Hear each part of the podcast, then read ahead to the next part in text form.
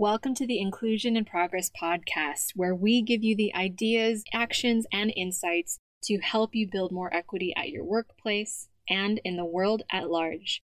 I'm your host, Kay Fabella, international expert on diversity, equity, and inclusion, a Filipino American living in Spain, and your guide in navigating this DEI journey. Having worked with teams at companies such as Philips, the IMF, Red Hat, PepsiCo, and more, I know firsthand that the work of inclusion only works when everyone has a seat at the table. Regardless of your personal entry point into this conversation, your race, ethnicity, gender, ability, age, sexual orientation, country of origin, or educational background, we all have a role to play in creating inclusion for all. And it starts with us having conversations we need to create the change we wish to see. So let's dive into today's episode.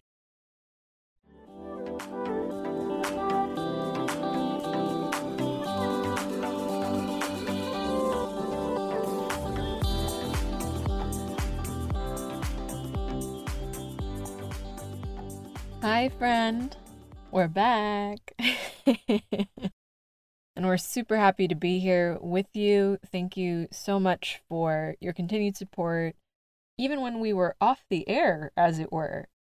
If you've been following our episodes in real time, you'll remember that we decided to take a month off to take our own advice, to pause, to make progress, and actually take time off to recharge. So it was a month off and boy, did it help.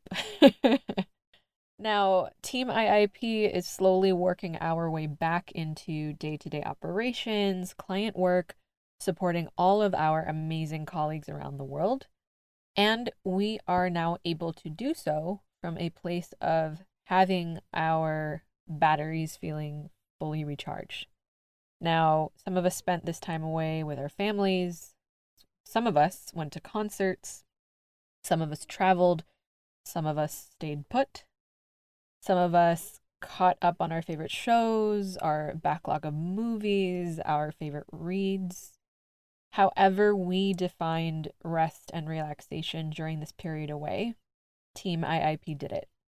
And we're super grateful for clients and partners who not only understood our need for rest, they actually actively championed us for taking the time off.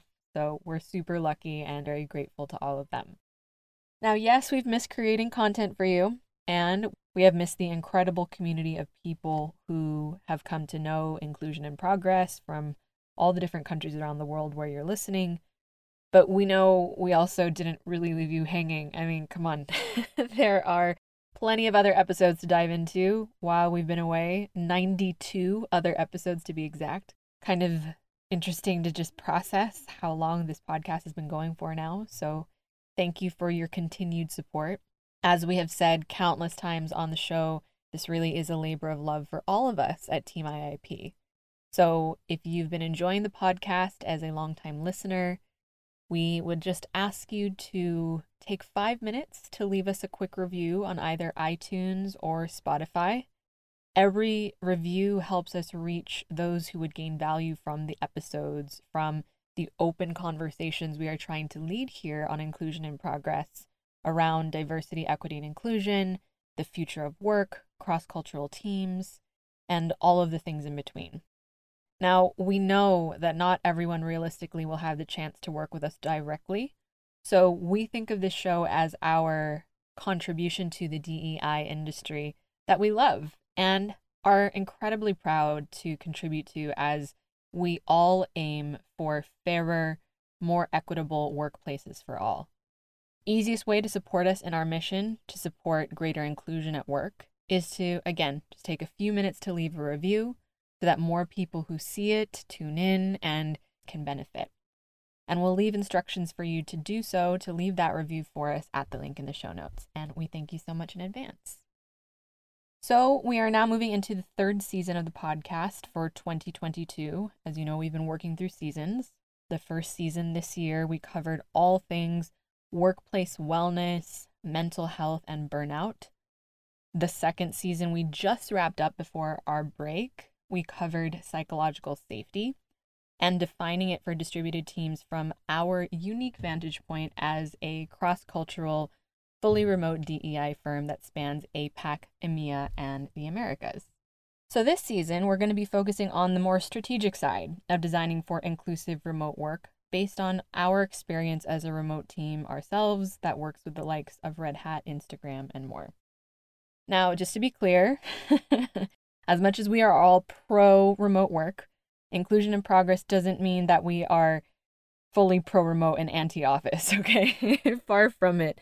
If anything, we're actually planning for our first in person meetup as a team this year, which we're super excited to share more about when we make that happen.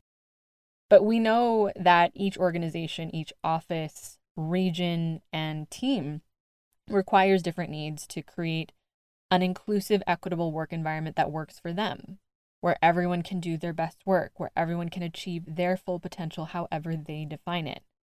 And it's the reason why we tailor our work based on the greatest needs of an organization rather than offering out of the box solutions. Sometimes that means working with one team at a time. Other times it means working with one region or one function or one program at a time sometimes even within the same organization, designing for effective, inclusive remote work looks completely different in practice because, spoiler alert, humans are very different in what they need, in what they value, and where they come from. No surprises there. Whether or not teams are likely to stay at a company if they're asked to come back full time to a physical work environment, and how much more that supposedly benefits productivity by physically seeing each other more whether or not companies should be rethinking making their teams work from anywhere for good. It's been uh, really interesting for us, to say the least, to watch that unfold. Because all of the biggest companies in the world, especially in the tech and financial services sectors that we tend to partner with most, seem to be at least reconsidering or walking back from their original promise to let their employees actually work from anywhere for good. And what's also really interesting to us is the flexible work and the DEI or diversity, equity, and inclusion conversations seem to be very binary for organizations, or at the very least, how it's portrayed in what we read. It seems like it's very choose flexible work or choose DEI, one or the other. You can't have both. But flexible work, when it's designed intentionally, can actually support the goals of increased representation of diverse groups and perspectives. Take, for example, Spotify. Now, earlier this month, Fortune published an article about Spotify's work from anywhere policy. They wrote that one year later, Spotify says it's, quote, experienced lower turnover compared to pre pandemic levels and increased diverse representation. It's expanded beyond New York and California and is now registered in 42 US states. In Europe, the platform has increased its presence outside its Stockholm headquarters to Germany, Spain, and the Netherlands. End quote. In February 2021, Spotify rolled out its work from anywhere policy for its 6,500 employees around the world, which meant that employees could choose if they wanted to work 100% remotely, 100% in the office, or some blend of both. Because in the Spotify ethos and philosophy, they believe that work isn't a place that you go to, but rather that work is something that you do. And so, what we thought was really interesting was they implemented a lot of recommendations that we make for our own clients to make work from anywhere possible for their organization. So, they researched diligently labor law, tax, and insurance readiness by country. They adjusted base salaries for local currencies and regions and recruited specific roles in those regions with that in mind. They provided co working space options for employees who chose not to come into the office but still didn't want to work from home. They structured intact teams to be on similar time zones, so within eight hours of one another. They synced their human resources, people ops, recruitment, and internal comms efforts to move that policy beyond lip service and made sure everything was aligned. And their efforts worked. Now, keep in mind, again, you know, we're all about nuance here. Not every company is going to work like what Spotify has done. Not every company has Spotify's DNA. I believe they have something on their website like, we function in controlled chaos. But companies like Spotify or like Airbnb, the ones that realize that work from anywhere actually just really means work from where you work best, are the ones that will stay ahead of the curve in the future of work. These are the companies that will continue to attract the best people and keep their innovative edge. Flexible work can support greater inclusion and representation, which ultimately removes barriers to access for the future teams that we say we wish to see. So, on this episode and for the rest of this podcast season, Inclusion in Progress is going to be diving into some of the specific ways that we design for inclusion for distributed teams, starting with what remote teams really need to feel included at work. Now, as you'll remember from last season on the podcast, we decided to deep dive into psychological safety, going beyond the standard textbook definition to encompass a more real world, practical perspective on different lenses and ideas that organizations should be mindful of if they want to prioritize psychological safety, especially as their teams work remotely. If you are unfamiliar with what psychological safety is, don't worry, we've all been there. I highly suggest you go back to episode 87, which is How Do You Create Psychological Safety on Remote Teams? We define it pretty in detail there.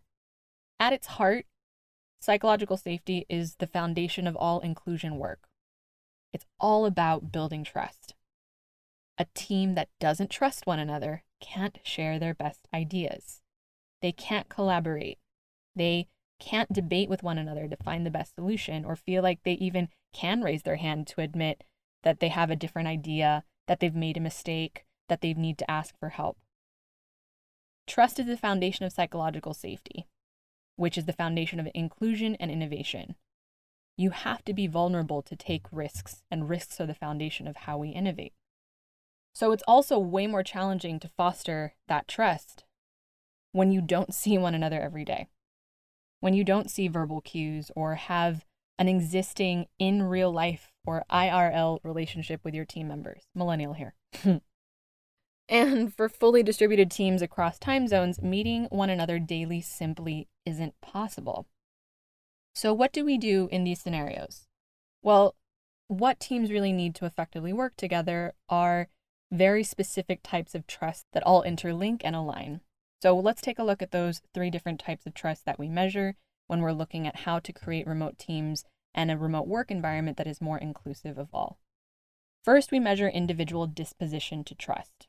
Now, this isn't some Myers Briggs 16 personalities or Enneagram type personality test. We don't mean that. What we mean here is we're stripping it down to basics and looking at whether or not people are disposed to trusting themselves and one another.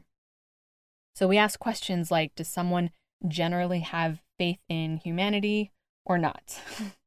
are they more likely to trust people that they don't know very well? Are they more likely to give others the benefit of the doubt in a situation of uncertainty or collision? Are they more likely to offer trust again when that trust is let down? We also look at whether or not a person trusts themselves to get their job done. Are they someone who's from a background or lived experience that could contribute to their own self perception at work? Are they someone who's comfortable with operating independently and asking for help later are they someone who needs regular feedback and reassurance because they are newer in their career or at their company? Measuring each individual's disposition to trust allows us to establish some baselines for whether or not they benefit from or are more likely to contribute to an environment of trust and psychological safety overall while working virtually. Then we look at interpersonal trust. Now, hybrid or fully distributed teams need to work even harder to find a rhythm together, to take risks individually and as a group, as a collective, and ultimately to innovate in partnership with one another. But, surprise, surprise, they aren't going to be able to do any of those things if they can't trust one another. Now, there are two forms of interpersonal trust that we look at here when we assess how effective virtual workplaces are in being inclusive of everyone who's on those teams cognition based trust and emotion based trust. cognition based, meaning how do team members reason about one another's reliability and dependability, and emotion based, meaning is there a sense of care, concern, belonging, a desire for one another's welfare and well being. We look then at questions that establish whether or not each of those types of trust is present on virtual teams. Is there a shared vision or purpose or mission that the team can easily understand and identify? Do they believe there is a high level of professionalism? Do they believe that there is access to developing relationships to allow them to see one another outside of their work responsibilities? Do they trust the intention of their team members to support them in getting their job done? We then cross reference all of that data against different identities or lived experiences of team members, the geographic makeup of teams, the different cultural lenses and job functions that might be present, to allow for a better understanding of the barriers to interpersonal trust, which allows us to then inform interventions or recommendations that we provide to support partners with creating an inclusive remote work environment. So let's take a brief pause here. Now, at Inclusion in Progress, we know the diversity, equity, and inclusion, or DEI conversation, continues to remain relevant as identities become more nuanced and varied, as more voices come into the fold, and as more historically excluded perspectives come to the table. Now, as an organization, it's your job to understand what your people need today to keep them long enough to continue to recruit even better people tomorrow. Trying to tackle all of these different lenses of DEI can feel overwhelming, and we know because we've been there ourselves. But rather than looking at the entire room full of options, we recommend starting in one corner and working your way outward purposefully and intentionally. If you want someone in your corner, we can help. We partner with forward thinking leaders like you who know that the future of work will require creativity, agility, and consistency to meet the challenges of retaining your best people tomorrow. And one of the ways we can support you is through our inclusive virtual work survey.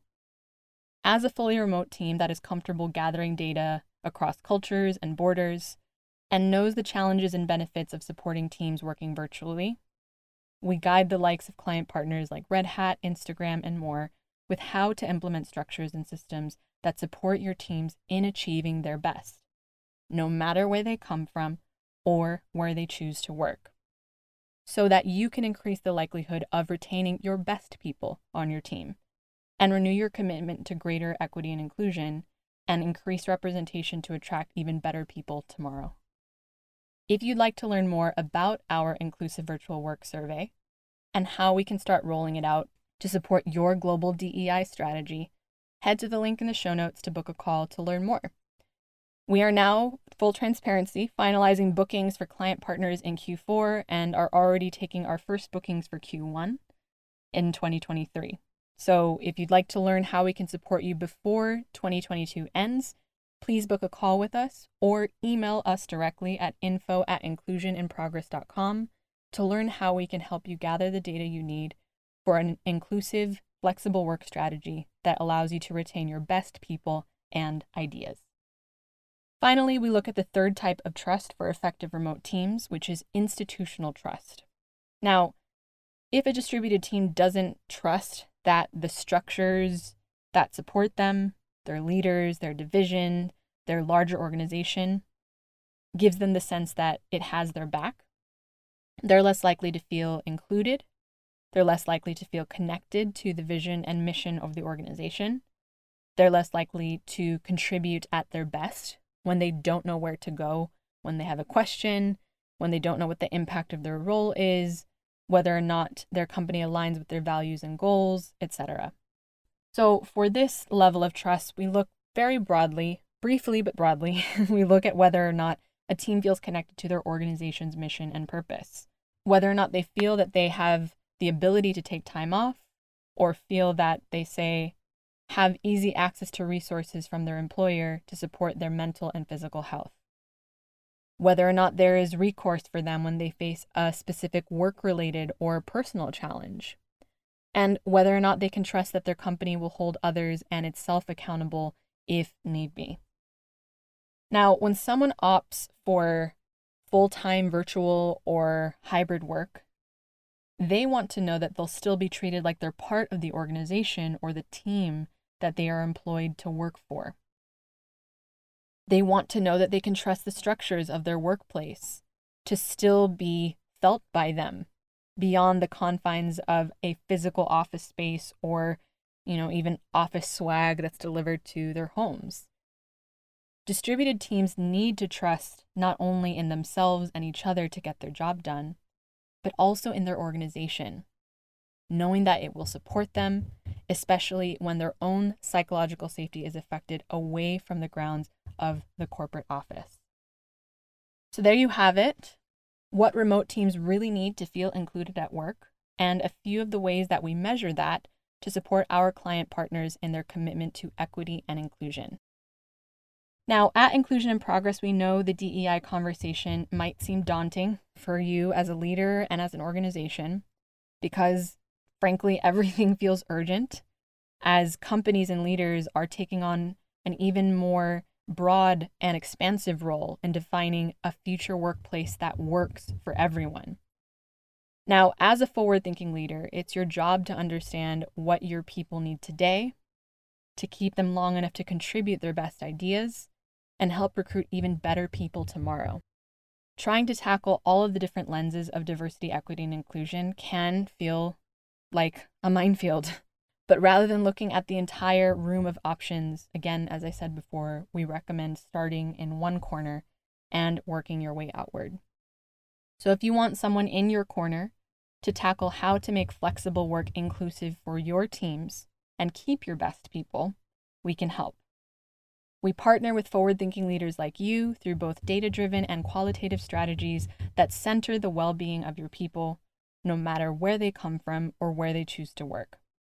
And one of the ways that we can support you is through our inclusive virtual work survey.